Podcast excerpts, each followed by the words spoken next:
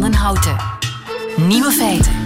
Dag, dit is de podcast van Nieuwe Feiten van woensdag 28 november. In het nieuws vandaag dat er in Nederland een vijftigtal Sinten rondlopen. Inderdaad, mannen die echt Sint heten.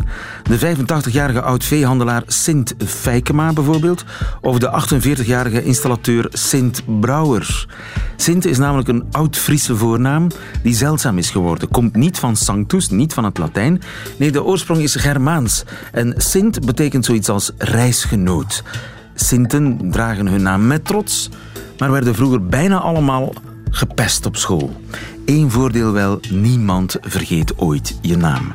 De andere nieuwe feiten vandaag. Meer en meer mensen worden bestolen via WhatsApp. Onze landgenoot Lucas de Man die sprak met een Chinese dokter die een genetisch gemanipuleerde tweeling op de wereld zou gezet hebben. In Nederland overweegt de politie om een cold case te heropenen na een podcast. Finnen vinden samenzwijgen gezellig en de bedenker van SpongeBob is dood. De nieuwe feiten van Bart Peters hoort u in zijn persoonlijke middagjournaal. Veel plezier. Nieuwe feiten. Meer en meer mensen die worden via WhatsApp bestolen. Miguel de Bruiker, goedemiddag. Goedemiddag. Je bent directeur van het Centrum voor Cybersecurity België. Uh, het schijnt in Nederland te pieken. Bestolen worden via WhatsApp. Hoe gaat dat? Mensen ontvangen een bericht van een vriend, een kennis, een businesspartner die zogezegd in nood zit. En het is heel, heel, heel dringend dat u hen geld overmaakt. En dus op die manier wordt u natuurlijk bestolen, want dat zijn helemaal niet uw vrienden, uw familie. Uh, dat zijn criminelen die proberen van u te misleiden en geld vragen. Die zich vermommen als mijn vrienden, als mensen die ik echt heel intiem ken. Absoluut. Die gaan dus misbruik maken van de informatie die ze vinden, vooral op sociale media. Die gaan foto's zoeken, uw naam, uw kennissen, uw telefoonnummer. En eenmaal dat ze die informatie hebben, gaan ze berichten uitsturen uh, naar andere mensen, naar kennissen. En zeggen van, ik zit bijvoorbeeld op reis in het buitenland, mijn handtas is gestolen, ik ben mijn gsm, mijn geld, mijn identiteitskaart, ik ben alles kwijt.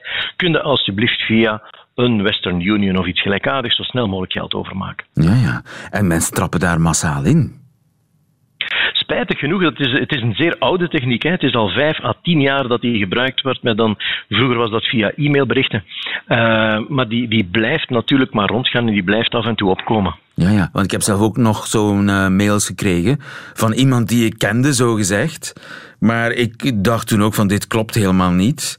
Maar dus via de sociaal, als je zelf heel veel informatie over jezelf uh, op, op sociale media zet, dan kan zo'n kandidaat Boef zich natuurlijk nog veel geloofwaardiger maken. Wel, dan heeft hij natuurlijk nog meer informatie. En daarom dat het zo belangrijk is om iets meer tijd te nemen om echt wel via telefoon of via een ander kanaal, via een andere manier, te gaan checken bij die vriend, bij die kennis, bij dat familielid, of dat dat toch wel klopt. Dus wat je, wat je te doen staat, is onmiddellijk zo, zo, die man of vrouw zo snel mogelijk aan de lijn krijgen. Ja, absoluut. En dat is de beste techniek. Zorgen dat u ermee praat, dat u hem herkent of haar herkent. En dat u een controle heeft over klopt dit wel, zit u echt wel in nood, alvorens dat u geld overschrijft. Ja, nu in Nederland wordt er aan de alarmbel getrokken. Uh, daar piekt de WhatsApp-fraude. Uh, hebben wij cijfers bij ons? Hebben we enig idee hoe, dat, hoe groot dat fenomeen bij ons is? Wel, momenteel hebben we niet echt een indicatie dat er een zwaar probleem is. Het is natuurlijk een probleem dat, laten we zeggen, om de paar jaar oppopt. Dat is nu specifiek in Nederland zo. Het zou kunnen dat het in België ook oppopt binnen enkele maanden. Dat weten we natuurlijk niet zeker. Momenteel hebben we niet, echt niet uh, alarmerende meldingen of, of uh, signalen. Uh, maar het zou goed kunnen dat dat binnen een maand bijvoorbeeld wel het geval is. Ja, dat we zijn gewaarschuwd. Dankjewel, Miguel de Bruiker. Goedemiddag. Dankjewel. Dag.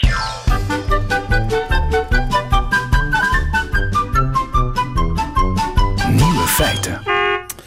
Zoekt u nog een tip voor een goede podcast, dan uh, kan ik u van harte aanbevelen De Moord op Patrick. Een podcast van mijn Nederlandse collega Sanne Boer. Die uh, wil natuurlijk graag de moord op Patrick ophelderen, maar ze vraagt zich vooral af waarom de politie de moord op Patrick niet verder onderzoekt. Een moord gepleegd in Heerlen in Nederlands-Limburg 16 jaar geleden. Het is tweede kerstdag 2002. Ron van der Bolt zit met zijn familie in een restaurant dat uitkijkt over de Limburgse heuvels. Ron en zijn vader bellen Patrick voortdurend op zijn mobiel en spreken in op zijn antwoordapparaat om te vragen waar hij blijft. Patrick neemt niet op. Maar eigenlijk verbaast dat Ron niet. Mijn, mijn broertje die zat echt gewoon zo in elkaar. Dat hij gewoon, ja, die kwam, dat, dat gebeurde wel eens dat hij gewoon niet kwam. We zijn uiteindelijk maar gaan lunchen, maar het was volgens mij om twee uur, half drie uh, was hij er nog steeds niet. Tegen vieren rijden ze weer naar huis. Het waren we eigenlijk net thuis en met ging de bel. Dat was nog een heel grappig moment toen die bel ging. Want ik zag mijn vader, die zag ik uh, zo echt reageren. Ik denk, oeh, die is nu heel boos. maar, maar ik had dezelfde reactie. Dus nu staat mijn broertje aan de deur. Zo van, hallo, hier ben ik dan. Ron loopt vrolijk naar de voordeur. En toen maakte ik de deur open en toen, toen stonden twee mensen voor de deur. Ja, en toen had ik gelijk in de gaten dat het niet pluis was. Er staan twee politierechercheurs in Burger op de stoep. En toen heb ik ze aangekeken en toen heb ik gezegd, er, is iets met Patrick. En ja, volgens mij hebben ze nog niet eens antwoord gegeven. En toen zei ik, hij is dood. Hij is dood. Zo begint de moord op Patrick. Een podcast van mijn Nederlandse collega Sanne Boer van uh, eh, NPO Radio 1. Dag Sanne. Goedemiddag. Zeg, een cold case, dat is toch een verloren zaak? Hè? De politie vindt geen dader, doet er verder niks meer aan. Wou jij de dader wel vinden? Nou, dat was uh, in eerste instantie niet zozeer mijn uh, doel. Uh, wat ik heel graag wilde, ik werk namelijk voor het onderzoeksprogramma Radio Argos. Dat is op onze nationale nieuwszender wordt dat uitgezonden. En daarbij stellen we altijd structurele ja, structurele problemen aan de kaak. En wat ik wilde was eigenlijk één grote zaak nemen, um, één cold case, om uh, steeds te bekijken van wat zijn nou de structurele problemen bij de opsporing bij de Nederlandse recherche. Hoe komt het dat de speurders op een gegeven moment zeggen: we stoppen ermee? En wat maakt dat ze ermee stoppen? Uh, nou, in dit geval was het zo dat uh, de politie hoopte dat het DNA wat ze gevonden hadden op de plaats delict, dat dat overeenkwam met, matchte met uh, de hoofdverdachte. En dat was niet het geval. zij hadden de politie had verder geen andere aanwijzingen, geen andere dingen gevonden die de hoofdverdachten die ze in beeld hadden, zouden kunnen linken um, met de plaats van delict. Dus op een gegeven moment is de ja, politiedossier uh, ja, stuk gelopen, vastgelopen, zoals dat heet. En de zoektocht is gestaakt. Wie was Patrick eigenlijk? Patrick was een 36-jarige, uh, hele getalenteerde uh, tennisser. Uh, hij gaf zelf ook tennisles, was zeer, zeer geliefd. Was een jongen die, of ja, een man moet ik zeggen, die veel vrienden had. ja, erg bekend was ook in het zuiden van Nederland. Een populaire peer, ja, als het ware. Ja, dat zou je en, en wat is er met hem gebeurd? Hij is nou, in de nacht of ochtend, dat weten we niet exact, 2002, tweede kerstdag, is hij doodgeschoten in zijn appartement. Ja. En um, ja, tot op heden weet niemand wie dat gedaan heeft. De politie uh, heeft eh, veel onderzocht, um, maar tot op heden tassen volledig in het duister. En we zijn nu 16 jaar verder en de familie weet nog steeds niet waar ze moeten zoeken en wie de dader zou kunnen zijn. Maar er was ooit een hoofdverdachte. Klopt, ja. Er waren twee verdachten. Eén werd al vrij snel vrijgelaten. Een andere man uit Duitsland heeft drie maanden vastgezeten. Um, maar tegen hen uh, was er onvoldoende bewijs. Het DNA wat gevonden was matchte niet met zijn DNA. Maar hij had wel een motief. Ja, uh, de hoofdverdachte die in beeld was, was de ex van een, uh, van het vriendinnetje van Patrick. Patrick had een vriendin en um, ja, haar ex vond het niet leuk dat Patrick omging um, ja, met zijn voormalige vriendin. Dus vandaar dat hij in beeld kwam bij de politie. En er waren aanwijzingen dat die ex tot actie ging overgaan. Ja, ik heb veel vrienden uh, voor deze podcast en veel andere mensen geïnterviewd. En de vrienden die uh, ja, vertellen eigenlijk allemaal dat deze uh, ex, een Turkse meneer uit Duitsland, dat hij ja, Patrick meerdere malen bedreigd zou hebben als hij nog langer omging met zijn voormalige vriendin. Dus in die zin um, was voor de vrienden uh, ja, het eigenlijk wel helder wie het gedaan zou kunnen hebben. En de nacht voordat hij doodgevonden is in zijn appartement, was er contact tussen de beide heren? Ja, ja ze hebben elkaar. Uh, Patrick ging uh, ja, eerste kerstavond bij ehm, zijn vriendin op bezoek. Ehm, dat was laat in de avond. En eh, plotseling verscheen daar ook de eh, ex, de Turkse meneer, op de stoep. Zij hebben toen gepraat buiten het huis. zijn ook met elkaar in de auto weggereden. Maar sinds sindsdien weten we niet exact wat er verder nog gebeurd is. En ja, is het heel in het duister tasten hoe het kan dat Patrick die nacht met meerdere kogels om het leven is gebracht. Heb jij iets ontdekt wat de speurders is ontgaan? Um, nou, Kijk, wat ik ontdekt heb in eerste instantie ehm, is dat uh, de politie, uh, toen ze het onderzoek niet konden oplossen, een tijd lang stil heeft uh, gelegen. En de Universiteit van Maastricht heeft het hele politiedossier op een gegeven moment tegen het licht gehouden. Hoe komt dat? Um, dat is namelijk een onderzoeksgroep in Nederland. Um, die kijken één keer per jaar één uh, zaak. Of uh, een cold case of een gereden twijfelzaak. Om te kijken of daar uh, fouten zijn gemaakt door de politie. Om te kijken van wat er beter kan in de opsporing. En toevallig was dat die zaak? Ja, toevallig bleek dat die zaak te zijn van Patrick. En dat onderzoek van de Universiteit Maastricht concludeerde dat er nieuwe aanwijzingen zijn. dat zij nieuwe ideeën hebben hoe het onderzoek weer opgepakt kan worden. Dus wacht eens even, de, de Universiteit van Maastricht zegt eigenlijk in een rapport... die zaak is niet tot op het bot uitgezocht. Exact. En we hebben nieuwe uh, aanwijzingen hoe je dat wel zou kunnen doen. Alleen en dat rapport gaat terug naar de speurders, neem ik aan. Ja, dat is inderdaad teruggegaan naar de politie en naar het Openbaar Ministerie. Maar daar is nooit wat mee gedaan. Uh, sterker nog, dat heeft altijd in een laag gelegen. Uh, en ja, de politie had het rapport totaal niet in het vizier. En uh, ja, de familie wist hier ook totaal niets van. En ja. ja. we spreken over 2013 en we zijn nu 2018. Dus, um... Ja, en intussen loopt jouw podcast. Worden ze daar niet stilaan nerveus? Uh, nou ja, ik heb de politie um, in een vroeg stadium benaderd of zij mee wilden werken aan mijn podcast.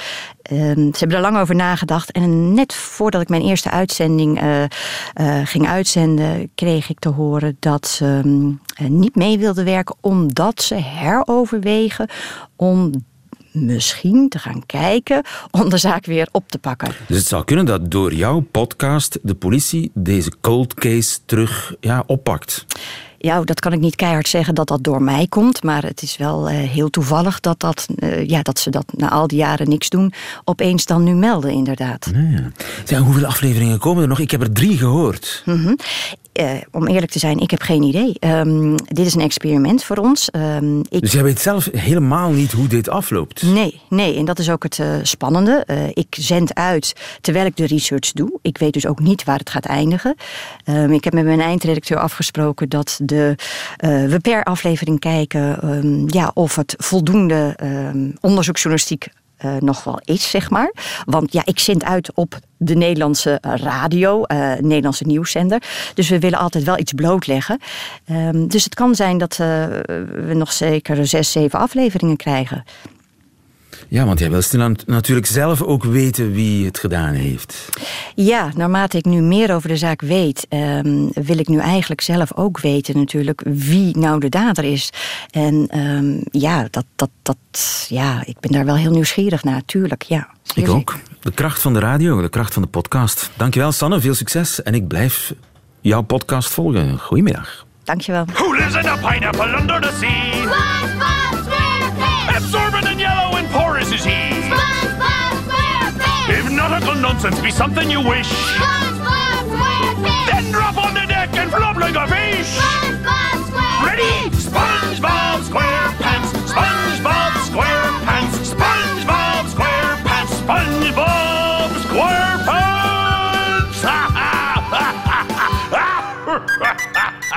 Ja, wat een feest, hè? maar het is een feest in mineur. Want de bedenker van SpongeBob, Steven Hillenburg, die is overleden. En kenners die beweren dat zonder SpongeBob het internet er helemaal anders uit zou zien. Vincent Schroeven, goedemiddag. Goedemiddag. Je werkt in uh, de reclamesector. Je bent de baas van ja. communicatiebedrijf Hooray. Ja. En een grote fan van, Spon van SpongeBob, laat ik mij vertellen. Wat maakt hem zo ja, bijzonder? dat klopt. Um, ja, dus zoals je net al zei, er is een heel stuk internet dat toch wel te danken is aan SpongeBob. Huh? En, kan je dat uitleggen? Dat begrijp ik niet. Uh, ja, er is een, een grote meme-cultuur. De memes, dat, is, dat zal ik wel iets dat weet papi wat het is. Ja, oké, oké. Um, er is een grote meme-cultuur die, die is eigenlijk vooral gebaseerd, allee, die is voor een groot stuk gebaseerd en groot geworden door SpongeBob. Um, Want die was sterk in memes. Ja, kijk, uh, SpongeBob, er zijn twee dingen eigenlijk. SpongeBob is, is, er is een generatie groot geworden met SpongeBob, en zoals anderen groot zijn geworden met TikTok of met uh, de Smurfen. Is er nu een hele generatie, ja, is er een hele generatie die groot geworden is met SpongeBob, wat ervoor zorgt dat er eigenlijk een hele generatie mensen nu oud worden en die, die, die dat allemaal in een collectief geheugen hebben zitten. Plus dat er ook nog eens bij komt dat de beeldtaal die SpongeBob gebruikt, dat was heel expressief en richting het absurde. En dat is natuurlijk iets dat heel goed werkbaar is. Voor, maar heeft eh, SpongeBob de meme uitgevonden? Nee, nee, nee, nee, absoluut niet. Maar heeft hem groot gemaakt? Maar een, een, een, een bepaald segment ervan. Want de meme-wereld is natuurlijk heel groot. Er zijn heel veel verschillende strekkingen binnen de meme-wereld. Maar er is één deel dat zich ja, heeft ontwikkeld dat toch wel rond SpongeBob gedraaid heeft en allee, nog altijd wel gebruikt wordt. Maar ik begrijp het nog steeds niet hoor, want uh, is dat dan SpongeBob met een, met een rare foto die dan de wereld wordt ingestuurd of zo? Ja, dus, dus er worden frames uit de, uit de afleveringen gehaald die dan ja, gebruikt worden om, om mopjes mee te maken of om bepaalde gevoelens aan te koppelen. En, en zo gebruiken ze eigenlijk allee, bijvoorbeeld de typische van het moment wanneer je beseft dat je vergeet, je boekentas vergeten bent of zo, bij wijze van spreken. Dat wordt dan gekoppeld aan, aan een grappige tekening met een, een, uh, een uitdrukking van SpongeBob op. En omdat bij SpongeBob zoveel express, expressies had en zoveel ja, um, mogelijkheden om emoties aan te koppelen eigenlijk, ja, was dat heel dankbaar voor die, ja, voor de ik, ik, ik, ben er niet mee opgegroeid met SpongeBob. Ik mm -hmm. uh, ben helaas ouder dan 12. Maar uh, hij, hij, woonde in een ananashuis. Of hij woont er nog steeds, want hij, hij is niet dood, hij bestaat nog, hè? Ja. Een ananashuis? Ja, hij woonde in een ananas, ja, in de, diep in de zee. Diep in de zee, zeg? En uh, heeft hij een, een vrouw of zo? Of is, is hij... Ja, dus hij is bevriend met Patrick. Patrick is een zeester en die woont onder de steen naast hem. Um, allee, hij heeft een relatie met een zeester? Gewoon niet echt een relatie, maar hij is wel heel goed bevriend. Het is een soort van bromance. Uh, bromance, oké. Okay. Een onschuldige bromance misschien. Um, ja, het is raar als je het natuurlijk nooit gezien hebt. Hè. Klinkt ja, allemaal heel vreemd. Vincent, kijk je nog steeds, want je bent nu baas van een reclamebureau. Ja, ik heb kinderen. Dus ik, heb nu, ik probeer dan hen te duwen richting SpongeBob. Ze zijn eigenlijk nog iets te jong, maar ja. Wij kijken nu wel de, de film meestal en de serie probeer ik nu ook stilletjes aan erdoor te krijgen. Ja, en die door zal lopen, neem ik aan. Ze zullen SpongeBob niet laten sterven. Nee, nee, omdat het is een geniaal personage Geniaal personage, Vincent Schroeven. Dankjewel. Ja. Goedemiddag. Dat is graag gedaan. Dag. Radio 1. Nieuwe feiten.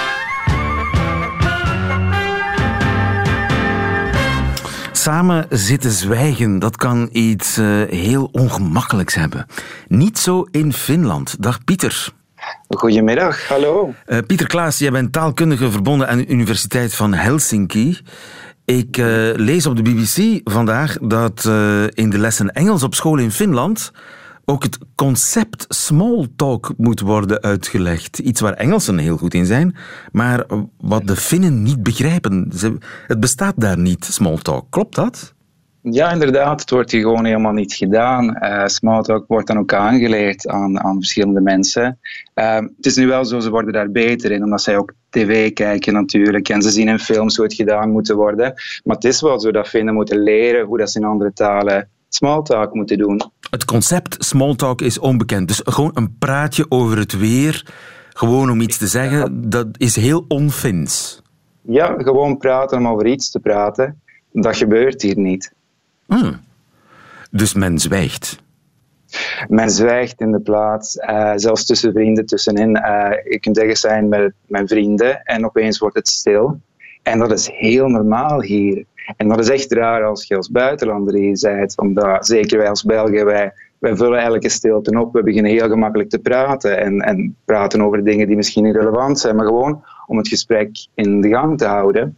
En dat wordt hier niet gedaan. Uh, stil zijn is, is heel normaal. Dus stel, je bent bij elkaar met een paar vrienden. Ja. En er wordt niks gezegd. Inderdaad. Dat kan. Dat kan. Ja, en dat is echt raar. Maar het is ook deel van hun cultuur, denk ik. Uh, het is niet één persoon die het doet. Het is echt heel veel mensen die het doen. Maar wacht eens, uh, dus, dus gewoon een feestje, een receptie, iedereen zwijgt. Dat kan toch niet? Goh, misschien dat er een aantal mensen zijn aan het praten, maar het kan zijn dat de mensen waar je juist mee staat, dat zij inderdaad stil zijn. Vinden hebben zoiets van small talk, dat, dat hoort niet thuis hier. Dat is altijd uh, lege praat, op een bepaalde manier. Er wordt niks gezegd als er gesmalltalkt wordt. En in Finland is het meer, als je iets te zeggen hebt, dan moet het belangrijk genoeg zijn om het te zeggen. Maar is dat niet lastig om vrienden te maken dan?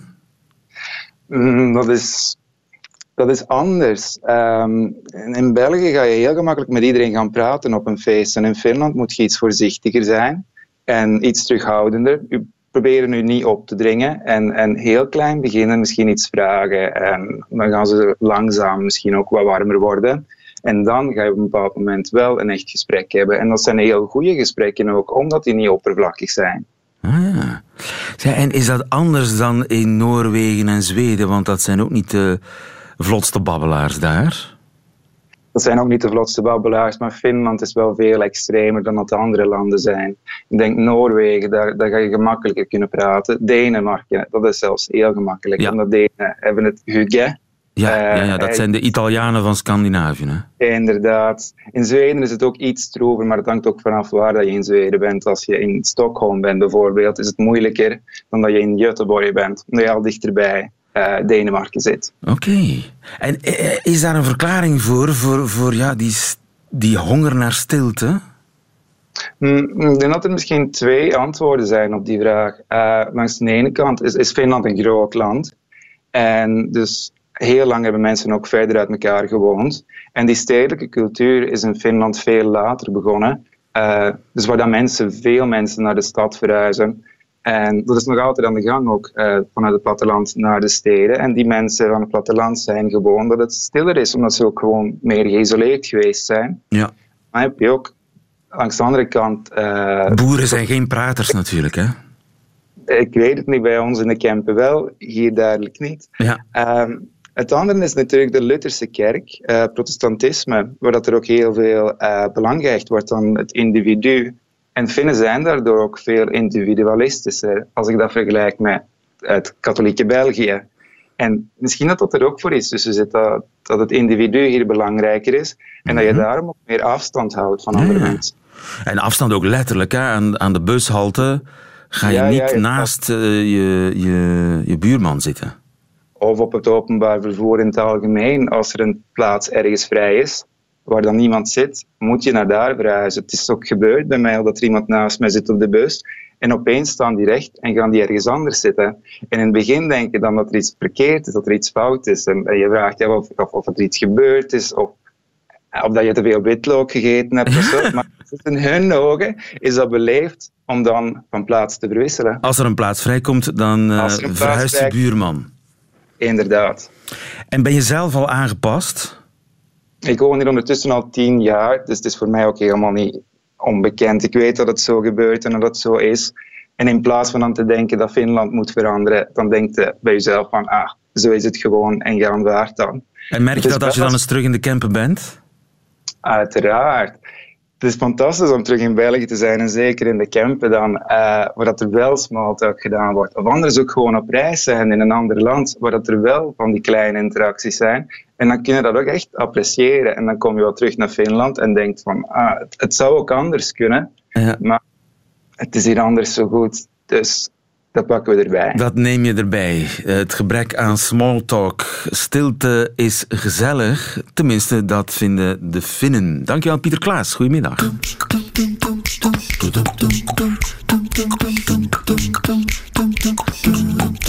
Nieuwe feiten. Ja, het is me wat met die Chinese dokter die uh, eergisteren beweerde dat hij een uh, genetisch gemanipuleerde tweeling op de wereld heeft gezet. Two beautiful little Chinese girl named Lulu and Lana came crying into the world as healthy as any other babies a few weeks ago. Nu, die dokter, daar heeft Lucas de Man mee gepraat. Dag Lucas. Goeiedag. Jij uh, maakt programma's voor de Nederlandse televisie, vooral over kunst. Dat klopt, ja. Nu, uh, in, in dat ziekenhuis in Shenzhen in China is, is inderdaad die genetisch gemanipuleerde tweeling geboren, twee meisjes, met uh, zogenoemde CRISPR-techniek, is aan hun DNA gesleuteld door een dokter He Yang-kui. En zodat ze immuun zijn voor AIDS. En zowel het ziekenhuis waar de baby's geboren zijn als de universiteit waaraan die, die dokter verbonden is, die hebben zich al van hem gedistanceerd. Jij hebt met die man gepraat. Is hij geloofwaardig? Ja, ik, hij is zeker geloofwaardig. Kijk, die, die man heeft gestudeerd in Amerika, in Stanford. En trouwens, hij is 34 jaar. Ik blijf dat wel herhalen. Dat is, het is geen professor van uh, 50 die volledig doorgedraaid is. Het is gewoon een jonge, uh, heel aanstormende professor van 34 die een bedrijf van 100 medewerkers heeft gesteund door de Chinese overheid. En die gewoon DNA-onderzoek doet in de grootste DNA-stad ter wereld, Shenzhen. En wij waren eigenlijk op zoek naar millennials in Oost-Azië voor een, voor een serie die we aan het maken zijn, die, die iets aan het betekenen zijn voor de wereld, die iets willen veranderen. En hij sprak ongelooflijk mooi over dat hij wil graag iets doen waar zijn hele familie en vooral zijn moeder, die aan Alzheimer lijdt, zo trots op hem zou zijn, omdat hij een, een stap heeft gezet in de evolutie van de mens die, die de geschiedenisboeken ingaat. En wij vonden het allemaal een beetje grootspraak. We dachten, ja, ja, het zal allemaal wel. En hij zei, nee hoor, over zoveel maanden komen jullie hier terug en staat de hele wereldpers hier. En wij dachten, ja, ja, het zal wel. En plotseling hoorde ik gisteren dat hij gewoon een... Uh, twee baby's eventueel waarschijnlijk uh, HIV-proof heeft gemaakt. En toen dacht ik, potverdikke, ik heb met die man gegeten. En in juni heb ik die gewoon een halve dag uh, gevolgd in zijn werk. En jij gelooft 100% in uh, wat hij zegt en in zijn goede bedoelingen? Nou, ik geloof niks 100%.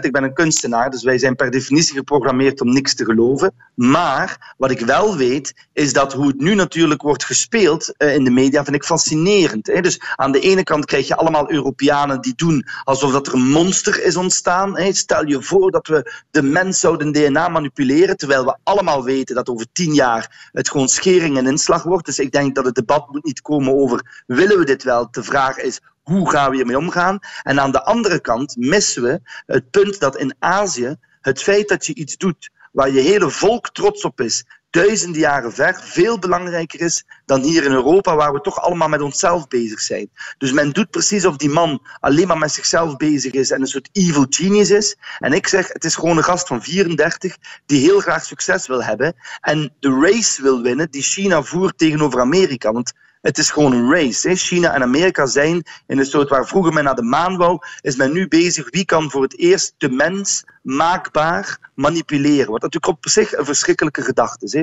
Maar die gedachte wordt in China heel serieus genomen en toch wordt hij ook in China uh, ja, met pek en veren weggestuurd. Uh, ja. Ziekenhuis distancieert zich, universiteit distancieert zich. Dat is toch uh, in tegenspraak met wat jij zegt?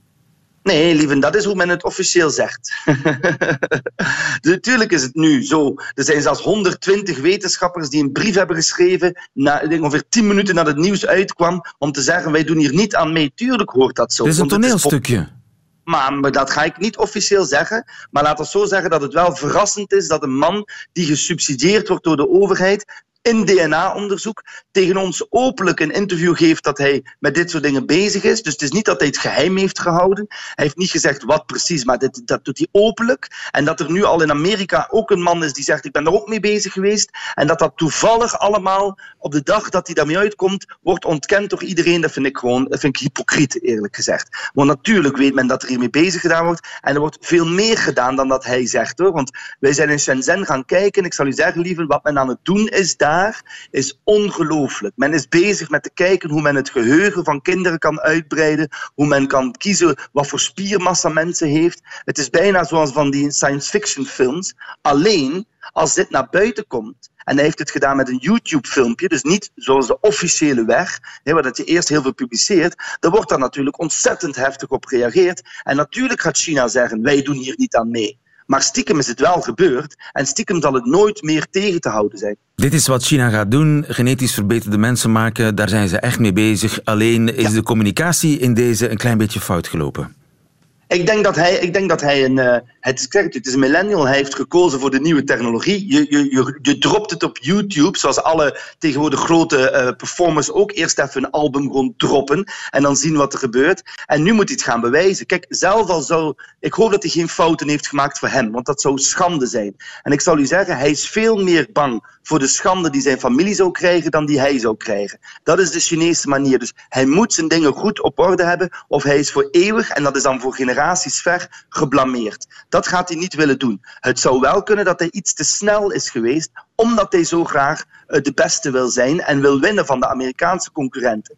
En dat is iets waar ik van hoop voor hem dat hij, dat hij het zorgvuldig aanpakt, want hij moet vandaag dus zo meteen een speech gaan geven, als hij durft, hè, over zijn resultaten. Als die blijken te kloppen, dan zal de rest van het gesprek gaan over de ethische complicaties. En hij zei tegen mij, kijk, ik ben een wetenschapper, ik vind uit, de mens moet kiezen hoe je daarmee omgaat.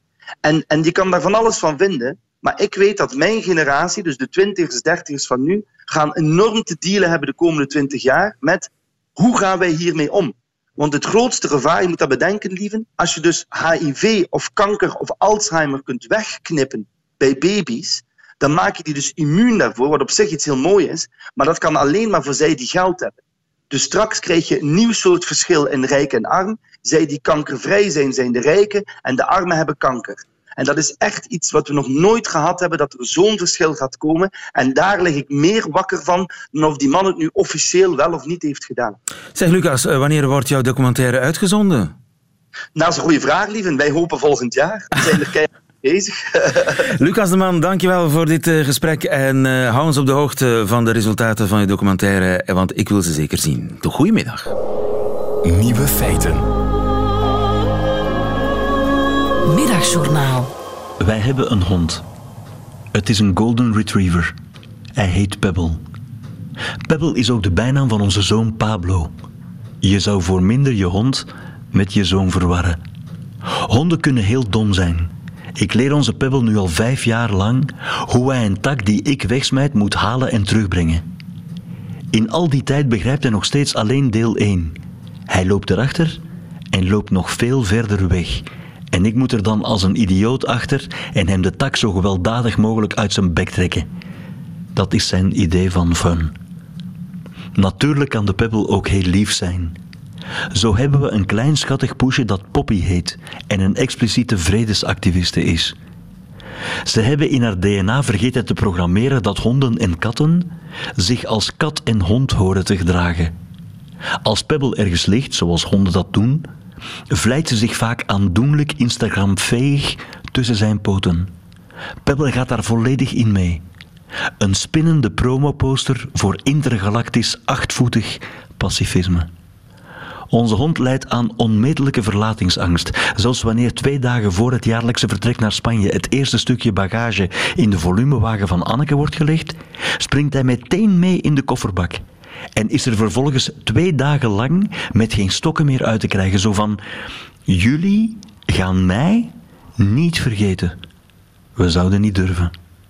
Volgens de wetenschap kunnen honden officieel niet spreken. Dat durf ik in twijfel trekken. Wanneer we alleen maar met woorden een wandeling met hem in het park overwegen, springt hij wild op en gaat klaarstaan aan de voordeur, daarbij nog net niet zelf zijn les vastklikkend. En met een air van, ik zal met plezier, indien nodig, mijn eigen drollen vacuüm verpakken in een zelf meegebracht plastic zakje. Maar schiet op, wafwoef. The moment is now. Helemaal raar vind ik dat hij meekijkt naar de zevende dag. Dat is zijn onbedreigde lievelingsprogramma. Hij kijkt ook stevast op als er in het nieuws gepraat wordt over de brexit, die volgens hem, ondanks de EU, nog altijd dik in de drek zit. Het komt door de muziekkeuze van Theresa May, grondt hij dan. Ze kwam onlangs een soort dansend opgefladderd op de tonen van Dancing Queen. Een Engelstalig nummer, dat wel. Maar gemaakt door Zweden uit, god beter het, Europa. Een qua Brexit niet kei clevere zet. Volgens de Pebble, hè? Ik vind nu wel dat honden vaak overdreven kritisch kunnen zijn.